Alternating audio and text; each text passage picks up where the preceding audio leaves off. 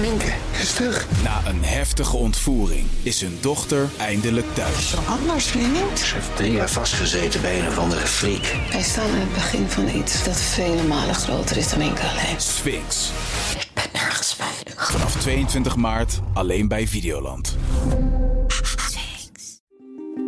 Er is een brute, laffe misdaad gepleegd. Geweld moet stoppen, ja, sowieso. Het Openbaar Ministerie eist forse zelfstraffen tegen de verdachten in het Marengo-proces. Voor de tiende keer in een maand tijd was het vannacht raak. Een explosie in de stad. Meer dan 2 miljard euro aan harddrugs werd vorig jaar door justitie onderschept. Een verdubbeling met het jaar ervoor. Welkom bij de Parool Misdaad Podcast. In deze podcast praten misdaadjournalisten Wouter Laumans en Paul Vugts je elke twee weken bij over grote en kleine misdaadzaken. Nieuwe afleveringen zijn eerst een week exclusief te beluisteren op parool.nl en in onze app. En een week later verschijnen ze in andere podcast-apps zoals Spotify. We gaan het vandaag hebben over aanslagen op woningen als crimineel drukmiddel. In Amsterdam alleen al waren de afgelopen jaren honderden aanslagen op woningen.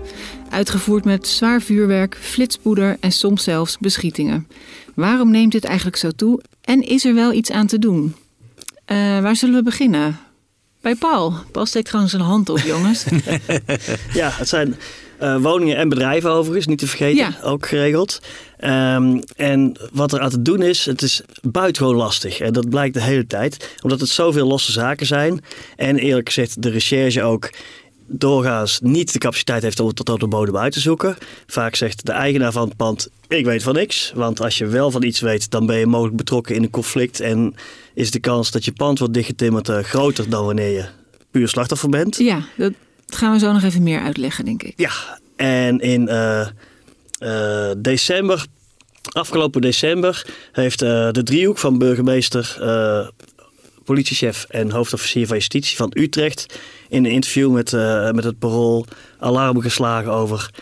We weten niet hoe we dit de baas kunnen worden, dit probleem. Want het is gefragmenteerd. Toen was in Midden-Nederland, moet ik zeggen, was een hele, hele trits. Um, aanslagen geweest. In Hoef en Haag bijvoorbeeld. Veel mensen hebben daar niet van gehoord. Maar Hoef en Haag kwam toen ineens als klein plaatsje voortdurend in het nieuws. Omdat daar een onderdeel van het probleem was. Daar waren uh, ex-vrouwen van criminelen waren doelwit geweest. En zij vertelde, ja, je hebt niet genoeg recherchecapaciteit om het allemaal uh, uit te zoeken. En de politie en justitie mogen niet zomaar opsporingsinformatie aan de burgemeester geven. Mm -hmm. Dus die kan niet onderbouwen soms dat er maatregelen voor openbare orde moeten worden genomen. Zoals de sluiting van woningen of bedrijven. Uh, dan moet de burgemeester maar kijken. Cameratoezicht, super duur. Dat kunnen ja, zeker dat kleinere... is achteraf natuurlijk cameratoezicht en niet voordat dat het is voor, om het gevoel van veiligheid weer terug te brengen is dat eigenlijk. En om de volgende te voorkomen. Want het is ook wel vaak zo dat een aanslag ook een tweede, derde en soms zelfs zevende keer uh, plaatsvindt. Ja.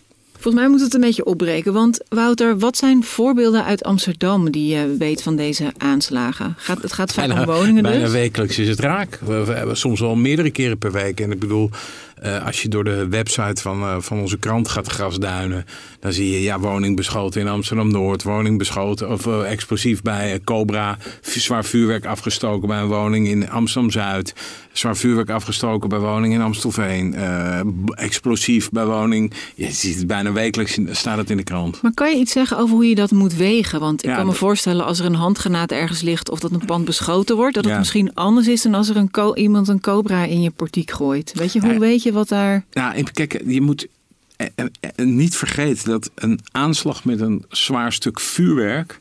Dat, dat is, heeft soms gewoon de kracht van een kleine handgranaat. Hè? Mhm. Dus de, de, de schade is hetzelfde. Kijk, die, het probleem is dat je zwaar vuurwerk. dat kun je betrekkelijk eenvoudig krijgen op, op internet uit Polen. Mhm. Eh, je hebt eh, K- Cobra 6, dat is een bekende. Maar de- inmiddels zijn er Cobra 7, 8, 9, 10, 11, 12. En dat, ja, als je zo'n ding in iemand zijn brievenbus eh, propt. Ja, dan, dan vliegt gewoon de hele deur eruit, uit de sponning. En ik, kijk, ehm, het gebeurt zo vaak dat eh, Paul en ik niet eens eigenlijk op al die dingen rijden, zoals we dat noemen. Ja, je gaat niet gaan- eens nee, kijken of... Nee, maar ik ben in het verleden en Paul ook. Die zijn, we zijn best wel vaak naar zo'n, naar zo'n huis geweest. En dan, ja, de ene keer dan zie je een soort zwart geblakerde vlek ergens zitten. En, en, en wat ramen die eh, beschadigd zijn. Maar ik heb ook wel eens gezien dat gewoon echt een, een hele voordeur eruit lag. En ik heb ook wel eens gezien dat gewoon eh, ramen in de wijde omtrek eh, Mhm. weggeblazen waren. Er is een aantal jaar geleden hier een koffieshop in Amsterdam-Oost eh, was het doelwit. Nou, dat was, dat was echt niet voor de poes wat daar in de omgeving... Dat hele pand was gewoon uit het lood geslagen. Tenminste, zo zag het er van buiten uit. In Amsterdam-Slotervaart, in de Comeniusstraat... daar gebruikten ze flitspoeder. En dat is een soort zeer explosief eh, mengsel. Wat, als je dat afsteekt...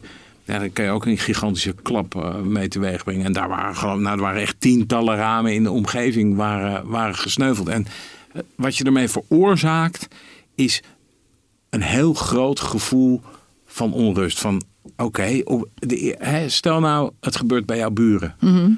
Je denkt, oké, eh, waarom gebeurt dat bij mijn buurman? Nee, je voelt je in ieder geval niet veilig natuurlijk. Nee, en de tweede vraag is, gaat het nog een keer gebeuren? Ja. En de derde vraag is, Maar ja, waarom eigenlijk en bij de waarom buren? gaat die man hier of die vrouw die daar woont niet gewoon weg? Want ik heb een probleem. Dus, dus je, die, die aanslagplegers, die zorgen voor eigenlijk een heel groot sociaal probleem voor degene die doelwit is. En voor de overheid het probleem dat optreden zo heel erg moeilijk is. Wout heeft het net over een koffieshop in Oost waar het enorm klapte. Eh, ik denk dat je die bedoelt bij het Oosterpark in de buurt, Ja. de Linnaeusstraat. Die is er inmiddels ook niet meer. Maar daar was echt een enorme knal. Een heel stuk van de Linnaeusstraat eh, heeft dat zich uitgestrekt. En uiteindelijk, die mensen vragen zich af, wat is hier aan de hand? Is er iets met die koffieshop? Nou, dan duurt het onderzoek lang. Eh, uiteindelijk had ik daar, had burgemeester Halsema daar een eh, bewonersavond ook georganiseerd om die bewoners gerust te stellen. Grappig was dat wij in het parool smiddags konden melden hoe het zat met die achtergronden, namelijk crimineel conflict. Maar dat wist zij niet. Dus ze had eerst gezegd dat ze niks wist. En toen kwam ze daar s'avonds en zei die mensen, nou ja, leest u het parool dan niet. Maar eh, daar is wel...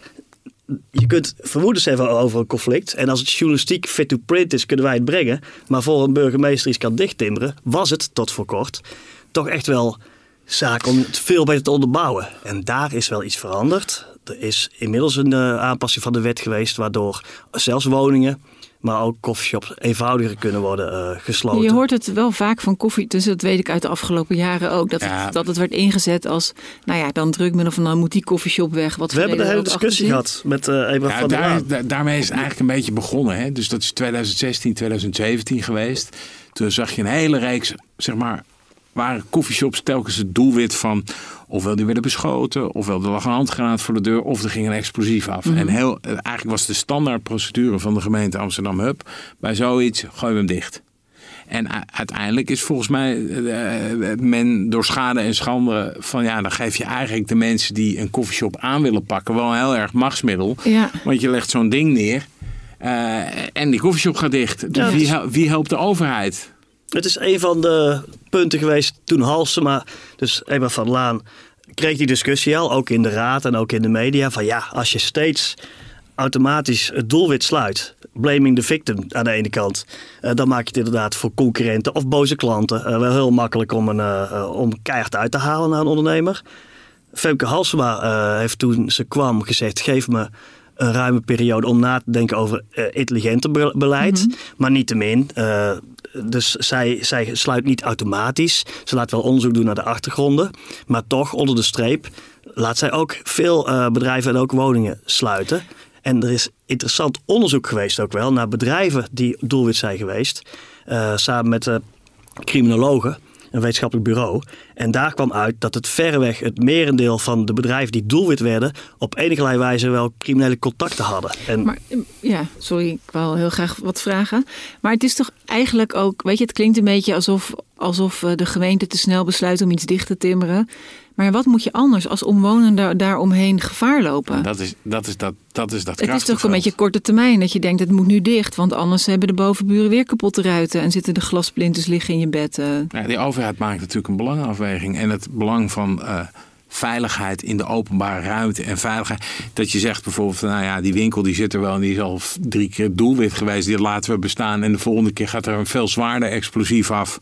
En eh, stort het hele gebouw in, bij wijze van spreken. Hè? Of, of raakt er, eh God verhoede, een onschuldig iemand eh, gewo- ernstig gewond Ja. of overlijdt.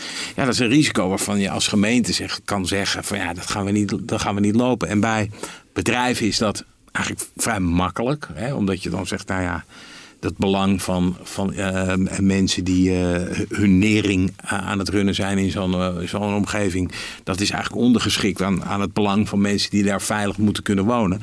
Maar het is natuurlijk wel ingewikkelder als, als je hebt dat woningen aangepakt worden. Ja. Uh, en, en, Paul uh, zei dat net eigenlijk ook al. In 2019 heeft uh, toenmalige minister Vert Grapperhaus de wet Victoria verruimd. Dat is artikel 174a van de gemeentewet. Um, en dat is, dat is een, een, een wet die, erop, die erin voorzag dat woningen konden worden gesloten als drugshandel, prostitutie of wapenhandel in een woning. In plaats van dat de burgemeester kon zeggen, nou, die woning die gooien we dicht. Um, en Grapperhaus heeft die in het kader van de keiharde ondermijningsaanpak uh, verruimd. En nu kan een burgemeester een woning dus ook sluiten als er aanslagen met explosieven plaatsvinden. En eigenlijk wat je ziet is dat sinds die wet er is. Zijn mag ik het invullen? Zijn er meer aanslagen op woningen? Ja, en dan is het heel makkelijk om te redeneren. Nou, dat zal dan dus wel daardoor komen. Maar zo makkelijk is het dan ook weer niet. Uh, je ziet, er zijn in dit milieu een heleboel communicerende vaten. Kijk, wat wij ook zien is dat het aantal uh, liquidaties en afrekeningen in, in het criminele milieu, dat neemt af. Mhm. Dat komt omdat er misschien zwaarder gestraft wordt, omdat de pakkans omhoog is gegaan, omdat in het verleden de mensen die zich daar aan schuldig hebben gemaakt zijn, een heleboel van gepakt.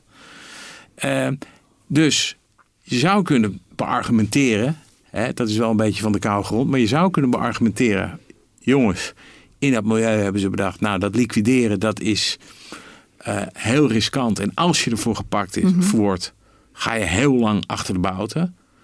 Dan is misschien wel, heb je die nieuwe wet, dan is misschien wel een aanslag plegen op een woning een heel effectief middel om heel erg veel druk te zetten op mensen die je wil bewegen. Om bijvoorbeeld een drugsschuld te betalen of op een andere manier uh, dwars wil zitten. Dan heb je ook nog de perverse afgeleide daarvan. Uh, de doelwitsubstitutie. We hebben het hier vaker over gehad. En daar, Wout, heb jij deze week ook bij een zaak gezeten die daar, uh, waarin dat het geval is. Dus dan is er een conflict met criminelen. Die criminelen zelf die, uh, zijn niet te raken.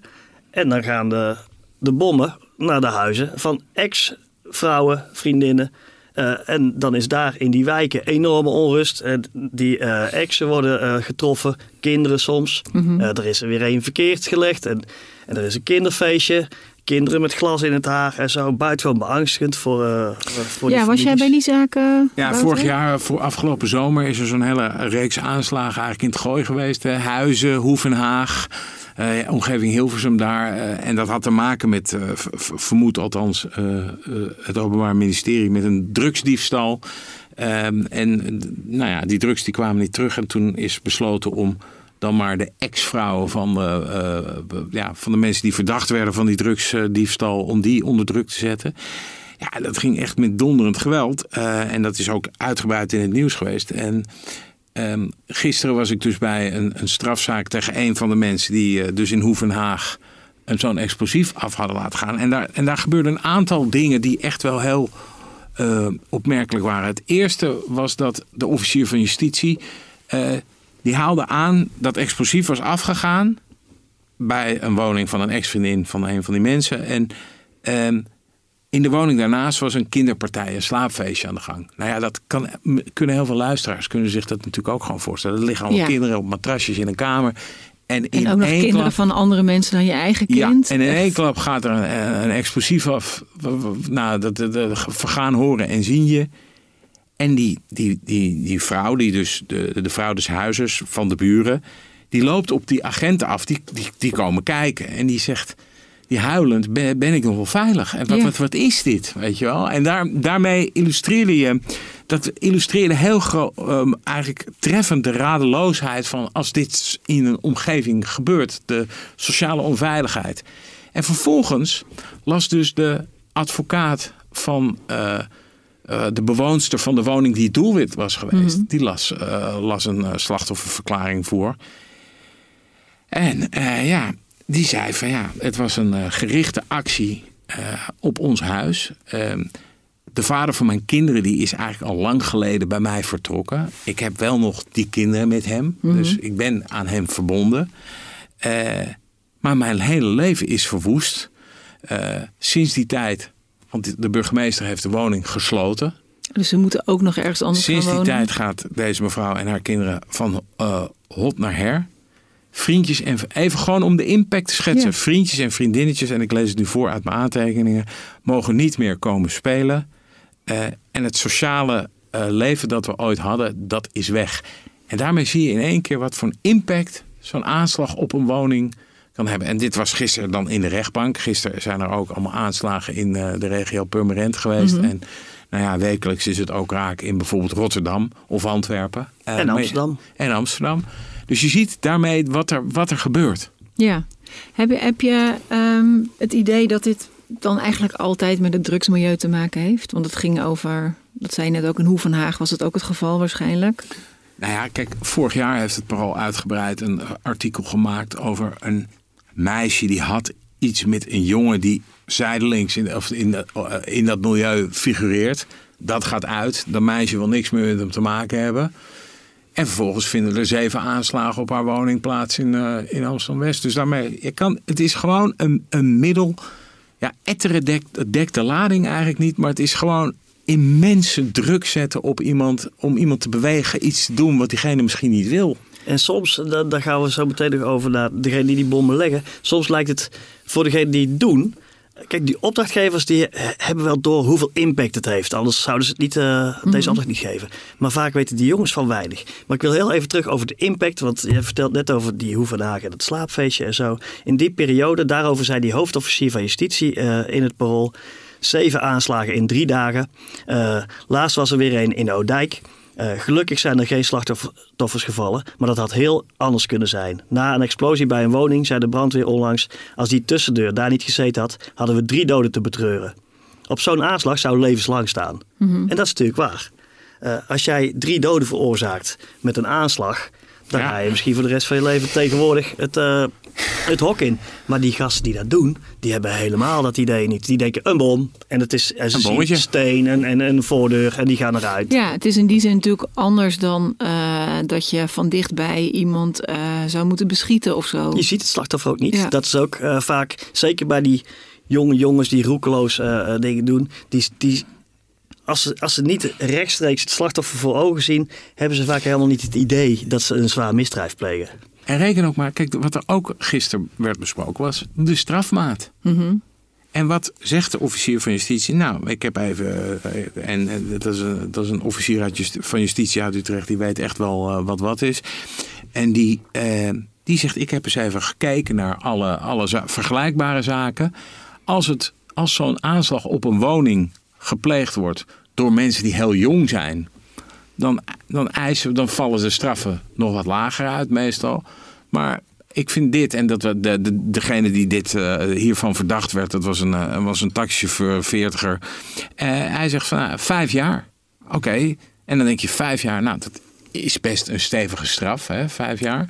Maar aan de andere kant denk je, als je kijkt naar de impact en de angst en de ravage, is het, ja, is het ook wel dat je denkt, nou, ja, vooral met het risico dat je niet zo goed weet wat het effect is als je zo'n uh, zo'n cobra neerlegt. Je, of een, uh... ja, je neemt bewust het risico dat dat ja. mis kan gaan. Kijk, in België is er in januari, uh, en, en, en ik veeg het eigenlijk op de grote hoop, hè, want het zijn explosieven, maar het is ook het beschieten van woningen. En, en dat soort, in, in januari is bij ze, en in Antwerpen gaat het aan de, is het ook aan de lopende band aan de gang. Mm -hmm. En in Antwerpen werd in januari een woning beschoten van een, uh, waar een nichtje van een uh, bekende drugscrimineel uh, woonde. Nou, daar, daar worden een paar kogels op een, op een huis afgevuurd en een elfjarig meisje die komt te overlijden. Ja. Het is echt een, een immens risico wat er genomen wordt telkens. Ik zou je eigenlijk bijna kunnen zeggen dat het risico voor omwonende en onschuldige slachtoffers nu groter is met die explosies dan toen ze dat op andere manieren deden. Nou, dat ja. Kijk, wat ik wil niet pleiten voor beschietingen.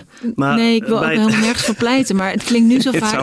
omdat het, omdat het zoveel in woonbuurten is. Weet je, ja. ook in Amsterdam. Dat je denkt, ja, al die buren die er boven en de onder en ernaast wonen. Van wie de ruiten kapot gaan. Die bang zijn als ze s'avonds het licht uitdoen van Uh, gaat er vannacht weer een bom af? Weet je dat? Ja, daar, dat is een heel legitieme opmerking. Kijk, bij beschieting heb je soms zelfs ook nog dat ze het verkeerde pand beschieten. Oké, je kunt niet tegen elke stommiteit. Uh, nou, in Purmerend hebben ze ook het verkeerde pand ja. Uh, ja maar ik kan me ook nog voorstellen, bij... als, het een, als het op een koffieshop is, dan is het soort duidelijk aanwijsbaar. Maar dit was gewoon de buurman of de buurvrouw. Uh, net als die in Hoe van Haag, die buurvrouw hadden waarschijnlijk gewoon contact en die gingen thee drinken of wat dan ook. En nu is het op, ja, je wordt opeens zo ik kom er niet uit. Want we hebben het steeds over uh, de regio. Maar we hebben in 2018 in, uh, in Amsterdam Nieuw-West hebben we vier aanslagen in korte tijd gehad. Uh, die waren gericht, neem ik even voor eigen rekening, tegen de eigenaar van een, een schoonmaakbedrijf die ook actief was in de, in de hashhandel. Mm -hmm. maar de ene aanslag was per ongeluk een hoek verderop. Oh, de, de uitvoerder had niet goed opgelet. Die, blaast daar, die doet de aanslag tegen een verkeerde winkel. Nou, dat onderzoek is nog niet bezig. Of er is daar bij hem twee aanslagen na elkaar. En vervolgens is er nog een vierde aanslag waarvan de gedachte is dat het explosief op, dat degene op weg was naar weer datzelfde pand maar het explosief te snel afging, was er een restaurantje uh, in dezelfde straat. Mm -hmm. uh, van de dochter van de ex-stadsdeelvoorzitter toevallig. Uh, was doelwit. Hele, die hele straat, die hele buurt was in rep Want waar gaat dit stoppen? Vier aanslagen. En achteraf als je het afpelt is het eigenlijk op één pand gericht. Maar dat zien we heel vaak. En je ziet ook nog dat ehm, die jongens zelf, die geen idee hebben wat ze doen. Wout en ik werken nu aan een artikel en daar komen ook een paar incidenten in voor door Amsterdammers gepleegd, jonge Amsterdammers in Utrecht. Mm -hmm. um, bij een en hetzelfde doelwit, een en hetzelfde huis. En dan is er eerst een jongen van 17 jaar en die moet daar een explosief leggen. Die weet eigenlijk niet waar die mee op pad is gestuurd. En die, woont, die is al in de top 600 van criminelen. Die woont in een begeleid wonentraject. Die is in het verleden met drillrap en zo allemaal in de weer geweest. Dan wordt hij weer met messen gepakt en gedoe. Uh, en nu ineens heeft hij een zwaar explosief. Maar je merkt heel duidelijk dat hij het verschil niet zo goed ziet tussen rondlopen bij de mes, ook niet goed te keuren, of een bom leggen in een, bij een mm -hmm. huis. Hij steekt de batterij aan iets waar die, uh, om dat ding uh, klaar te maken. Bam, dat ding ontploft. Enorme explosie. Die jongen moet anderhalve teen missen. Mm. Uh, er is een mooi beeld van een schoen die daar nog voor de deur staat. Helemaal geen mooi beeld natuurlijk. Die jongen is die, die wordt dan verhoord en die ligt een beetje beduust in zijn uh, ziekenhuisbed. En ja, waarom heb je dit nou gedaan? Ja, uh, ze zei dat ik een schuld had en het is eigenlijk niet. Maar als ik dit zou doen, dan zou ik overal uh, vanaf zijn. Uiteraard weet hij weer niet meer dan een deel van een naam of een, mm -hmm. een, een nickname van iemand te noemen. En die woont ergens in die en die gemeente, maar niet concreter. Tien dagen later, zelfde woning, komt een jongetje van 16. Ook uit Amsterdam. Een buurman die ziet s'nachts een jongen in donkere kleding, capuchon over het hoofd, uh, met een uh, Albert Heijn tas en handschoenen uh, heen en weer lopen. Die denkt, wat is dit nou? Ik zal eens even in de gaten houden. Hmm. Op een duur belt hij de politie. Zit, ja, er is hier een vaag figuur aan het rondlopen. Ik hou hem maar even in de gaten. Nou, die jongen gaat een portiek in van dezelfde woning weer in Utrecht. Boom, enorme explosie. Die rent weg. De beller gaat erachteraan. Uh, uiteindelijk komt de politie. Die trekken hun vuurwapens. Die houden hem onder schot en die arresteren hem. Ja, jongen uit Amsterdam Zuidoost. Uh, en die zegt ook weer: Ja, ik. Uh, ja, ik moest van ene KC, bijnaam van iemand in Zuidoost. Ja, moest ik dit doen. Ik deed het een beetje om stoer te doen en om geld. Hoeveel geld wil ik niet precies zeggen. Mm -hmm. maar, maar je ziet het dat ze helemaal niet gebriefd de soldaten natuurlijk weer. Ja, en je hebt. En als de recherche geen capaciteit heeft om het goed uit te zoeken, dan blijf je die, die voedsoldaatjes de hele tijd houden. En die krijgen dan een straf. En misschien soms uh, hebben ze iets ellendigs, zoals uh, geamputeerde tenen. Uh, en de laag daarboven kom je niet bij. En als dat zo blijft, dan ga je natuurlijk houden dat het een effectief middel blijkt. En nu is deze week weer, ik noem het wel eens uh, naar Tom Wolf, de battle cry of the defeated. Als de overheid het echt niet meer weet, dan zeggen ze, we gaan de informatie beter delen. Uh, en dat gebeurt vervolgens niet, want privacywetten. Want deze week Welke is... informatie bedoel je? Van alle districten? Of de... Informatie van achtergronden van uh, explosies.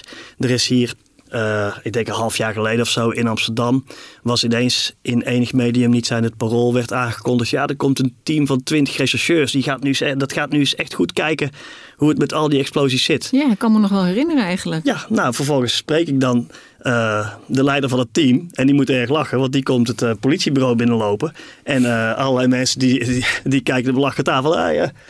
Hij, uh, waar is nou je team? Maar dat is, hij heeft helemaal geen team. Uh, dat is makkelijk gezegd natuurlijk. Maar ja, dat zijn mensen die die komen er even met een taakaccent ook. Die moet even meekijken naar explosies. Maar wat merk ik? Als ik bezig ben met die zaak over die Amsterdamse jongetjes die in Utrecht bezig zijn geweest. En het doelwit ken ik.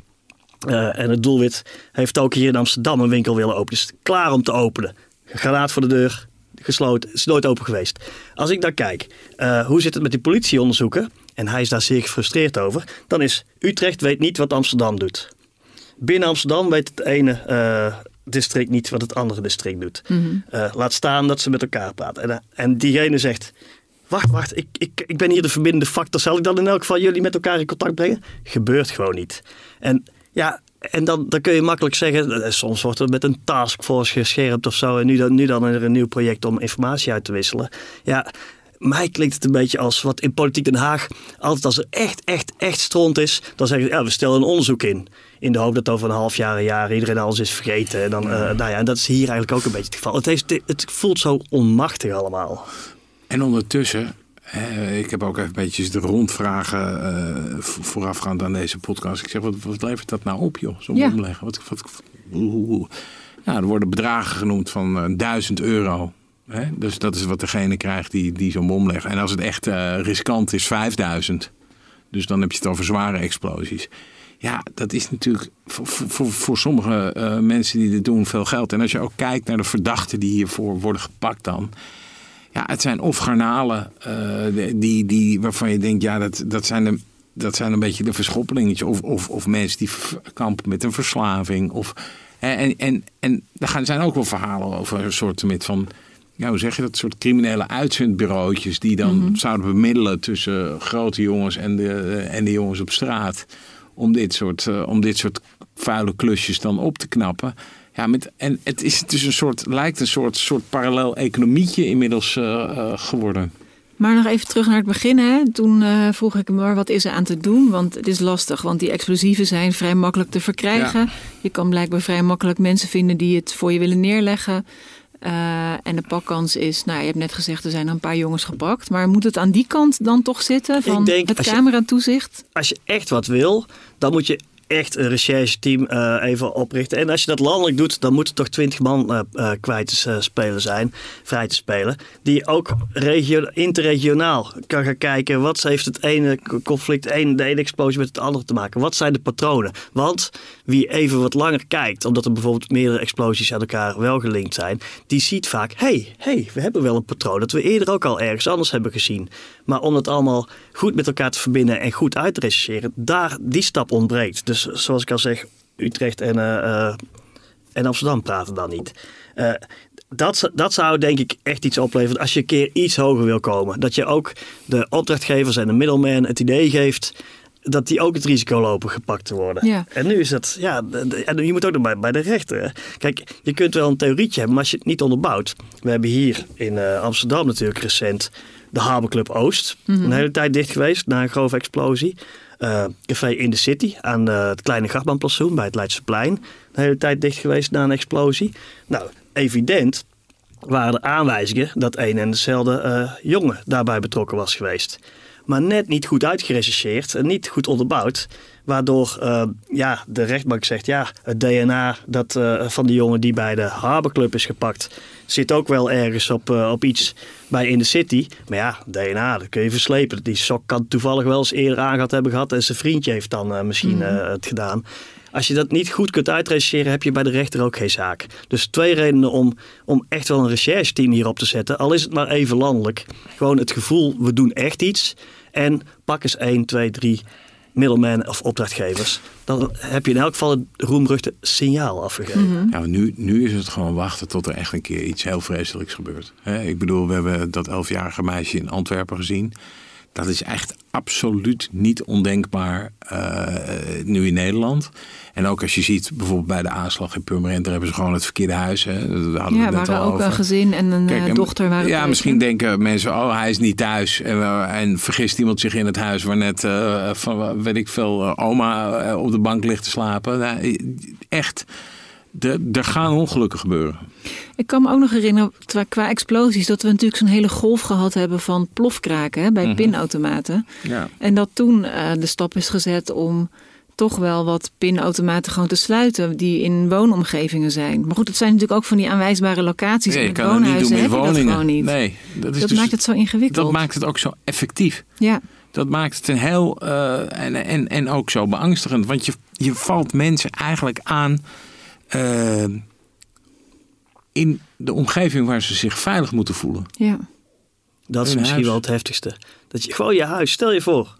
Je huis waar je met je gezin woont. En, en, en als alles onrustig is in je leven, heb je als het goed is thuis je huis waar je je lekker voelt. En eh nou, doe je even je joggingpakje aan en eh, eh, ga je met een kop thee rustig televisie kijken of wat je ook wil doen. Eh, en die omgeving die wordt rechtstreeks geraakt, midden in de nacht. En paar keer achter elkaar soms. Want dat is echt. De, er is in, in Amsterdam-Oost een andere, eh, inmiddels voormalige koffieshop. Eh, dat pand. Daar is ook met zwaar vuurwerk echt een hele tijd eh, terug een hele zware explosie veroorzaakt. En zeer recent weer. Nou, je, je zult er maar naast, boven of twee deuren verder wonen. Dat is buitengewoon beangstigend. En die koffieshop die is al, al dicht. Die zijn wel aan het verbouwen weer. gewoon, omdat dat mag dan wel met dat pand. Dat is een hele rechtsgang, waardoor dat juridisch mogen ze nu wel naar binnen om daar eh, werk te doen. Kennelijk vindt eh, de, de vijand van die koffieshop dat dat al te gunstig voor ze is. Dus nieuwe aanslag, eh, die tent weer dicht. Nou ja, maar dan als jij als buurtbewoner er rekening mee moet houden dat zelfs na een hele lange tijd sluiting van die koffieshop toch weer datzelfde geweld komt. Nou ja, ik kan me voorstellen dat mensen daar slecht van gaan slapen. En, en daarom is het zo'n zo'n heel naar middel dit eigenlijk. Ja, maar waar we dus ook, waar ieder van jullie ook nog geen oplossing voor zien. Ja, kijk, als Wouter en ik oplossing hadden, dan gingen we dat voor heel veel geld verkopen. Jullie ergens. naar Den En Haag Gingen we zeker? geen podcast opnemen. Nou, Niet onze rol, hè? nee, nee, wij signaleren en wij, wij geven dwingend advies over een maar centraal... het is af en toe zo leuk als we nog iets positiefs Nou, te melden hebben aan de kans luisteraars. omhoog, paar kans omhoog werkt altijd. Maar ja, dat is... eh, bij- in Zwaarder de- straffen, krijgen we die nu? Mm. Ja, de, de luisteraar van deze podcast weet dat eh, Wouter en ik geen, eh, niet per se eh, maar fan van- zijn van zware straffen. En zeker niet bij jonkies. Dat, dat moet wel intelligenter. Overigens moet ik erbij zeggen.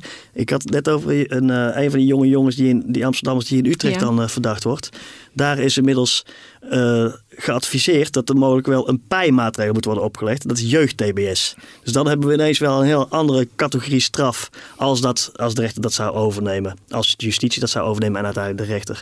Dan heb je wel ineens een hele zware straf. Maar dat heeft natuurlijk met een complex van factoren te maken. Dat zijn Ja. leven al een bende was voordat dit gebeurde. Maar nee, anders, zolang je bij die jongens het idee hebt, ah, dit is iets dat kun je wel doen voor een beetje geld en ook wel goed voor je reputatie op straat. Eh, en ach, hoe werkt dat ding eigenlijk? Een jerrycan met vuurwerk en dan steek ik een lont aan. eh, nou ja, eh, Zelf geknutseld. zelf geknutseld. Ja, voor hun is het gewoon vuurwerk afsteken. Ja. We gaan het hierbij laten, heren. Vragen en opmerkingen mail ze naar misdaad.parool.nl. En wil je meer misdaadverhalen lezen van Paul en Wouter? Download dan de app van het Parool of ga naar onze website. We hebben ook nog een mooie misdaadnieuwsbrief. Een linkje staat in de show notes. Deze podcast werd gemaakt door Wouter Laumans en Paul Vugts... met dank aan Daan Hofstee en Josien Wolthuizen. Mijn naam is Corrie Gerritsma. Dank voor het luisteren en graag tot over twee weken.